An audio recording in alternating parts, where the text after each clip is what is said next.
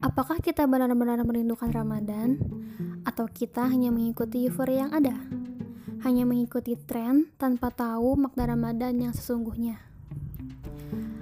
Apakah kita benar-benar merindukan Ramadan? Nyatanya, semangat kita hanya menggebu di tujuh hari pertama, lalu meredup di hari-hari berikutnya. Berbagai goals yang sudah kita catat untuk dilakukan di Ramadan ini kalah oleh rasa kantuk yang membuat diri lebih nyaman meringkuk dalam selimut. Apakah kita benar-benar merindukan Ramadan?